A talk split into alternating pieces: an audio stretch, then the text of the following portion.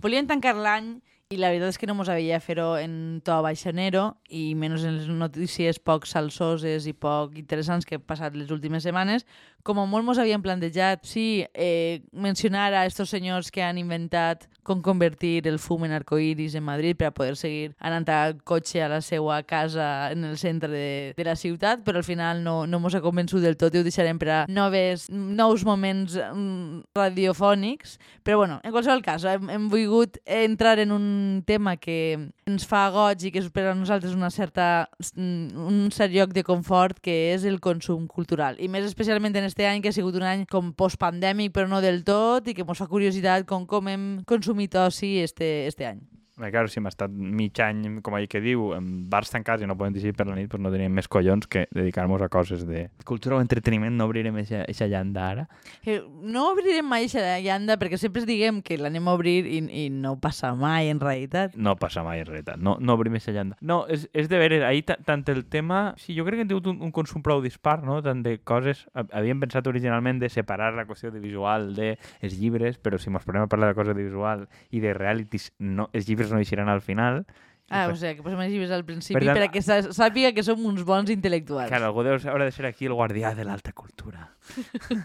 eh, no, a veure, vull dir, qui- quines són, a veure, quines són les pautes? Descriu-me-les. No, a veure, jo, jo eh, en general estava plantejant-me que ha sigut un any, eh, per a mi, de buscar confort i poca novetat en general. Eh, per lo menos en el que és consum audiovisual, és l'any que m'he posat al dia en moltes coses que en teoria hauria d'haver vist. He començat a entendre referències de fa 20-30 anys. És a dir, he vist per primera volta El Senyor dels Anells, El Club de la Lucha, The Office, i resulta que ara els memes... O sigui, jo coneixia les sèries i, la, i les pel·lícules pels memes. Ara sé el, el significat intrínsec d'aixòs memes. Qüestionant que existisca un significat intrínsec, o sigui, deu haver alguna tipus de classificació dels memes, no? Comunicativa de, de què és el significant, què és el significat i què és, no? O sigui, qui, qui, qui és la unitat d'informació? Això és, és un tema... Bueno, bueno, que es note la intel·lectualitat. Eh, Eh, Anem a acabar l'any per tot lo alto, Eh, Kiko. no, no, jo ho dic i no tinc ni puta idea. Sé que n'hi ha més d'un element en el, en el tema. Segur que hi ha tesis doctorals Sé- sobre els memes. sé, sé que n'hi ha me... Van fer un, hasta un, uh, un programa sobre un meme no sé quantos. Ja, sí, sabem molt, sabem molt de l'internet i, i los memes. No, però a veure, a mi m'a- m'agrada la idea de coses que hauries d'haver vist.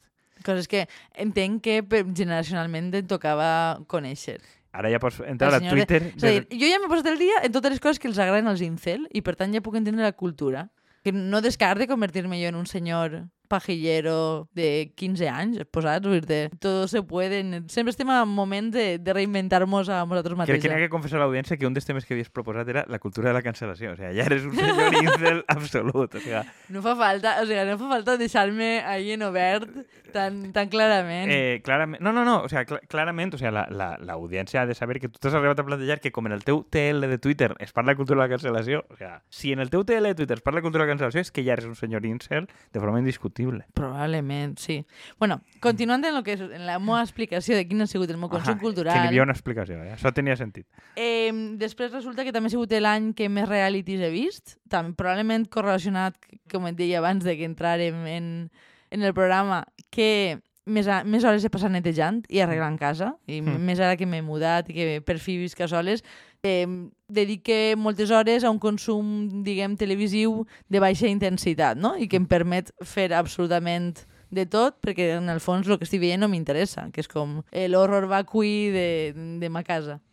Sí, a veure, eh, jo també jo reconec que, que el, el, durant molt de temps és la paradoxa, o sigui, en 2020 i també en 2021, perquè recordem que els dos mesos que van passar, això sen- sense, el que deia abans, no? sense, sense bars i en un confinament relatiu, acabes tenint molt de soroll, no? Acabem tenint molt de soroll, que és el que dèiem abans fora de micro, de molta intoxicació mental, notícies d'incidència i tal, i crec que tampoc, a mi, a mi no m'afavoreix el pensament abstracte, bueno, no sé si la idea és pensament abstracte, però crec que per veure una sèrie eh, com molt exigent sí que necessito poder dedicar temps i el gros de la meva energia i sí que m'ha donat durant molt de temps que, que no m'aveia això, que m'aveien igual coses més lleugeretes que no necessitarà tanta concentració o que poguera fer una altra cosa mentre.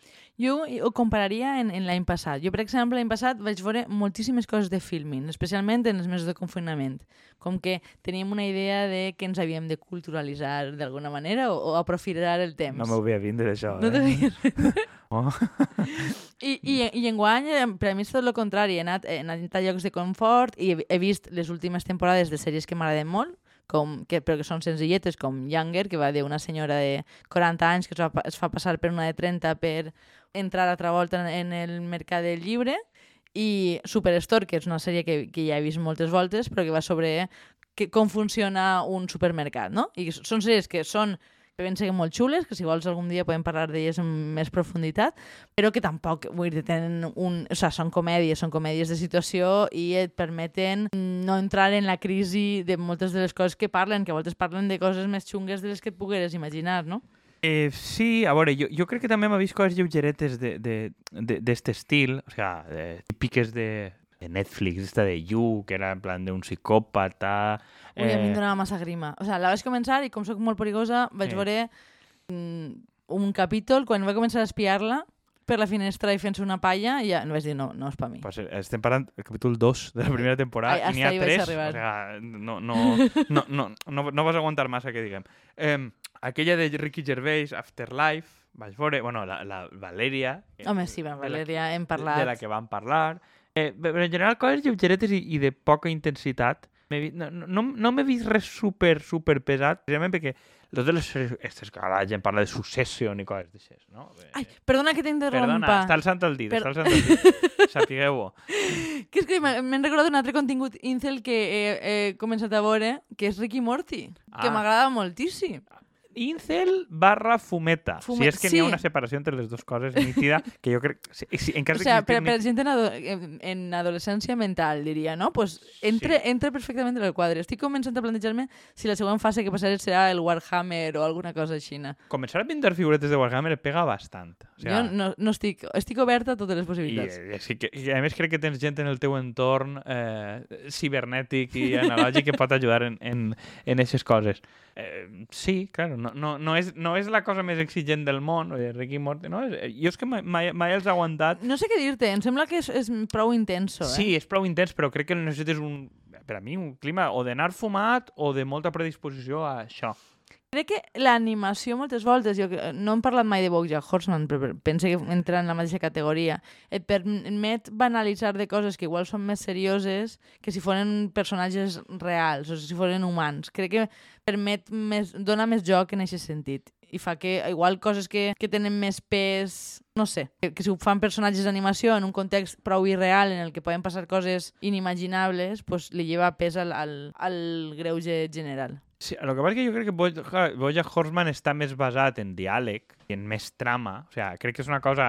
És més com una sèrie humana a la que li lleven dramatisme a través de la... No? A través de, de, de, de això, de, a través del dibuix, i crec que l'altra és més una sèrie, jo crec que diríem que nativa, no? Per a l'animació. O sigui, està pensat ja per a que les, fer coses en animació que no podries fer a nivell de cinema, de creu, com crees universos alternatius... Crec que li trau més suc a lo que és la pròpia animació. O sigui, té, té, té, un, té un altre fonament, el qual està guai a nivell d'expandir. Eh, eh, Però no tens límit, és a dir, Claro. pots, pots continuar fins a que et tornes loco perdut. Sí, jo és que ho veia, igual dic una veritat la gent que sap animació, però jo ho veig emparentat en, en aquell d'Hora d'Aventures. Tu te recordes d'allò? Jo és que això no l'he vista, però bueno, ja, ja he posat... Sí, o sea, t- també era un, tipus de coses que la narrativa, i fins i en Bob Esponja, que era, o sea, que crec que n'hi havia personatges que tenien poc trellat i, i, i poc trellat des del punt de vista com de, de coherència narrativa clàssica i tal. I està bé, el que passa és que a mi és un tipus de cosa que em mareja prou. Eh, jo jo la, crec que l'única d'animació que he vist enguany és una que van treure's de Marvel, que era d'universos alternatius, que jugava una miqueta en això, en universos alternatius, en personatges de Marvel i tal,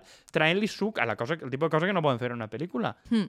Que està una miqueta entre les dues coses, un poc, però tampoc no era tan exigent a nivell mental. Entre altres coses d'animació que sí que m'agradaria recomanar, que, que m'agrada prou i això em sembla mm, eh, més diferent de la major part de consum que he fet enguany, és la de Big Mouth, que en realitat és una sèrie pensada, o sea, per ente entendre eh, l'etapa adolescent, o sea, l'evolució de xiquets a, a adults en, en monstres de les hormones. És, és una sèrie molt divertida que penso que està feta amb molta cura parlant de cicles hormonals, de menstruació, de calentures, de diferents... A més, en, en representació de, de molts mons distints, de diferents feminitats, de diferents eh, mm, evolucions o sigui, de creixement, o sigui, hi ha un, hi ha un xiquet que està prou menys desenvolupat que la resta i tracta un, un munt de coses que pensa que són difícils, que és difícil tractar-les sense sexualitzar. No es tinc clar que aquesta sèrie, per exemple, es poguera fer en personatges humans. Ja. Perquè seríem, és a dir, apareixen en pilotes o... Crec que eh, seria excessivament turbio, no? I, i crec que se n'eix molt bé en aquest sentit de, de parlar de coses que són complicades i que a voltes són túrbies des d'un punt de vista divertit i, i molt divers, que no, no és fàcil. No, jo crec que està bé que l'animació no siga per a fer coses que no tens pressupost per a fer en actors, sinó que... Per explorar altres mons. Que don, sí, que, que, que done de sí, que és, que és lo, lo que feia la, la, la coseta esta de Marvel que dia, what if es dia, no? Què passaria si, crec que feien en castellà. Que estava bé, jo és que de les poques coses que he vist eh, són... Eh, eh, coses d'estes de Marvel també, tenen poc exigents. Les sèries aquestes que han fet en els personatges de com a spin-off i tal, també perquè tenia el cervell fregit. Això crec que va ser en estiu, que vaig posar un mes Disney Plus i ahir vaig durar, perquè a mi els clàssics de... No t'interessen No excessivament. m'interessen excessivament, n'hi ha que li interessen molt, però a mi no... I bueno, tampoc és un any en el que hàgim anat es especialment al cine, no? Jo crec que no he anat cap volta, i ni, ni este any ni l'altre. És que no estic segur, no em sona haver entrat al cine amb mascareta. Jo em vaig anar l'any passat a veure Tenet, que em vaig riure molt perquè per, per a mi va ser la pel·lícula més absurda que he vist mai en la vida i em vaig riure molt. I enguany vaig anar a veure una sobre una presó en Costa de Marfil, que estava enmig de la selva, que vaig estar traumatitzat tota la pel·lícula perquè pensava que anaven a assassinar a gent i jo saps que el tema de la violència no el duc molt bé. I aleshores va ser un espectacle per a la persona que venia a mi al cinema perquè al principi estava assustada i després està riguent-se de mi tot el rato. Eh, com és clave? Sí, no, o sea, no, no, no... Eh, en teoria era per a majors de 12 anys. Ja, ja, però no era deduïble pel títol que anava sobre una presó en Costa de Marfil. Jo no, és que no, o sea, no tendís que mirar massa els, lo de antes, o sea, no, el- els pròlegs i no sé, no, com es diu? Com es diu això? La presentació esta curteta que fan? Bé, no, no, no, no té més La, importància. la ressenya no. El, el, un altre tema que, que té que veure en el consum d'oci que, que m'havia apuntat per a pegar una volteta és com, per exemple, el consum molt curtet a mi m'ha substituït gran part del consum de sèries, per exemple. Així com les sèries sembla que cada volta les estan fent més llargues, jo, eh, TikTok és, és un, una font de entreteniment, a més en, en, com, en incentius que van variant cada 30 segons, cada minut, que igual li dir que, és que jo tendisc a mirar les, les analítiques de, de consum d'aplicacions i això, i que igual de, de 5 hores que puc dedicar al dia al telèfon, una hora i mitja és de TikTok. Això, diuen, eh, això eh, és lo, lo típic que diuen, no?, de que els adolescents i tal han perdut la capacitat d'atenció per culpa del telèfon i els estímuls ràpids i el, eh, no? Diuen que els Sí, xiquets menuts no s'han de posar al costat del telèfon i tal. Els adults tampoc. Els ad... No, no, no, i els adults, no, a veure, que, que, que són unes pautes. A, a mi em passa que crec que això em posa excessivament nerviós i perc. O sigui, fins i tot el, el ritme de les stories d'Instagram és, és més breu, no? El que dèiem abans és més breu que, el- que les de TikTok. I pense que sí. O sigui, per norma general, com hi ha moltíssimes fotos, moltes voltes són de 10 segons o, o Claro. 15. No, clar, no, no, no es dispara tant de temps. I a mi a mi aquest tipus de ritme mire, però m'acaba posant de molt mala llet, perquè tinc la sensació de no haver vist res que... Crec que TikTok, més per que t'ho fer a tu, en TikTok, que perquè jo, o sea, crec que vaig obrir un compte i vaig durar 10 minuts. pues jo, per alguna raó estranya, inclús donant-me compte que a voltes m'avorreix, puc dedicar moltíssim, moltíssim de temps. Ah, i abans de que se m'olvidi, també volia dir una coseta. Ja i tanquem el tema de... Bueno, no sé si volies recomanar tu alguna sèrie o... o... Ah, a aquestes altures ja, tira. Estem Tira. parlant, hem passat de TikTok, el coronel xino està orgullós No, de però- nosaltres. Però, a veure, eh, cre crec que la nostra audiència ja sap que jo tinc molta, molt de quink en els programes de cuina, eh, en, vam parlar de Masterchef, però enguany ha sigut l'any que menys programes de cuina he vist, perquè tots ens semblen... A més, eh, eh, no sé si és per el- els anys en el que estem, però la idea de competició, de per recursos minsos, diguem, m'ha paregut menys atractiva que mai. Aleshores, eh, la idea de, de formats televisius en els que n'hi ha un guanyador i això m'han resultat menys atractiu que altres voltes. Però sí que n'hi ha un, un, un programa a Netflix que agradar molt, que es deia Na- Nadia Bates, que és una, una senyora britànica que, que no sé si és d'orígens immigrants, que, o sea, que reinterpreta cuina britànica per a gent que no té massa temps per a cuinar, no? I després fa, fa coses bastant senzilletes, moltes voltes en productes precuinats, que això és molt típic en Anglaterra, per ajudar a gent que té molt poc de temps, que, que són mares solteres, o gent que treballa en fàbriques, o gent que, que dedica moltes hores fora de casa a cuinar millor i a menjar bé. I em sembla un format boniquet i més per, a- per al moment que vivim que, no sé, que la sensació és que, que enguany exigim una miqueta més de calma i de temps per a processar coses, no? Home, però això, el tema del menjar processat és una cosa molt, és un problema com molt anglès. Eh, i Jo, a veure, vaig a parlar en, en tot el coneixement de causa que puc, que a Xavier n'hi ha un supermercat anglès de congelats, es diu Iceland. Vale? En Benicia també està. clàssic. I, vull dir, i claro, a mi sempre el que m'ha paregut preocupant és que a una lliura pots comprar un, un plat de pollastre al curri congelat que és, o, o de tikka masala, no coses, és per a uno. I, claro, jo entenc que a aquest tipus de preu, més o menys competitiu, molta gent no guise. I, claro, si en tres lliures, diguem, a lo millor, eh, menjar la família, evidentment no és el més barat el que poden trobar, no? Però aquí jo crec que això no està tan generalitzat. Sí, però en Anglaterra passa moltes voltes que els productes precuinats són molt més barats que els frescos i per tant no hi se compte. Però el que fa esta xica, que pensa que fa molt bé, és que utilitza eh, alguns productes precuinats per a facilitar, diguem, o sea, per accelerar els tempos, però després també utilitza productes frescos, no? I aleshores dona una opció a, a això, a gent que realment té molt poc de temps per a cuinar, doncs igual utilitza eh, l'arròs precuin, d'estes Ja. que cal fes en el microones, però després tens tomàquets fresques i, i algunes herbes, coses així, no? saps? L'enfocament que pense que és boniquet, sobretot per, per, a, per a que fas un programa de cuina, no? que és el que mos queixàvem l'altre dia, de per a què serveix? Per a crear 50.000 cuiners gourmet? Pues, probablement això no fa falta. Aprendre a cuinar en poques coses i en poc de temps, probablement és socialment molt més útil. Hi ha una espècie de comidista de... adaptada a la...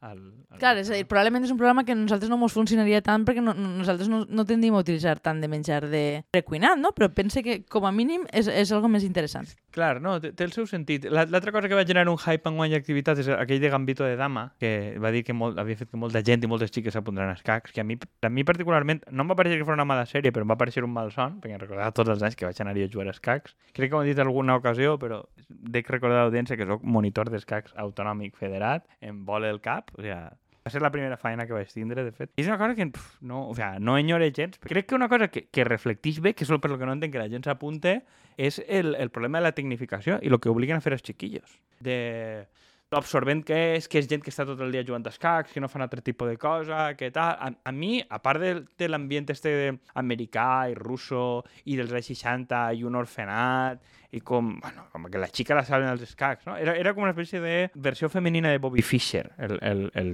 la, la sèrie esta. Però a mi, no sé, em, em va generar com prou mal rotllo i després no, no vaig entendre, claro, suposo perquè la gent no té la meva experiència d'anar un dissabte de vesprada d'hivern a jugar a 150 quilòmetres a no sé què. És, veure, tampoc és que sigui l'infern en la terra, però...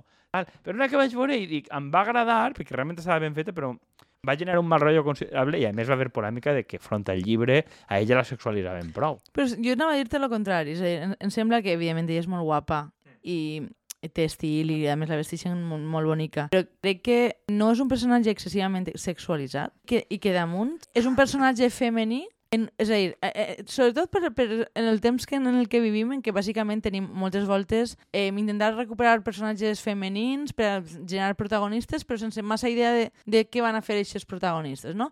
Un personatge femení que la seva història de vida no està basada en que dur és viure en un, en, en un món d'homes que realment no va d'això, i és, és massa fàcil caure en això, no? I jo veig, ho parlaven ab- abans de, de Harley Quinn, em sembla, no? De la quantitat de personatges femenins que apareixen ara, en els últims anys, que tenen a veure en satisfer un públic femení que té ganes de veure mm, representat, però que en el fons és este personatge no estava pensat per això. Anem a veure quin, quina història li creem i quasi sempre està basada en ai, que, que, que dur és ser dona.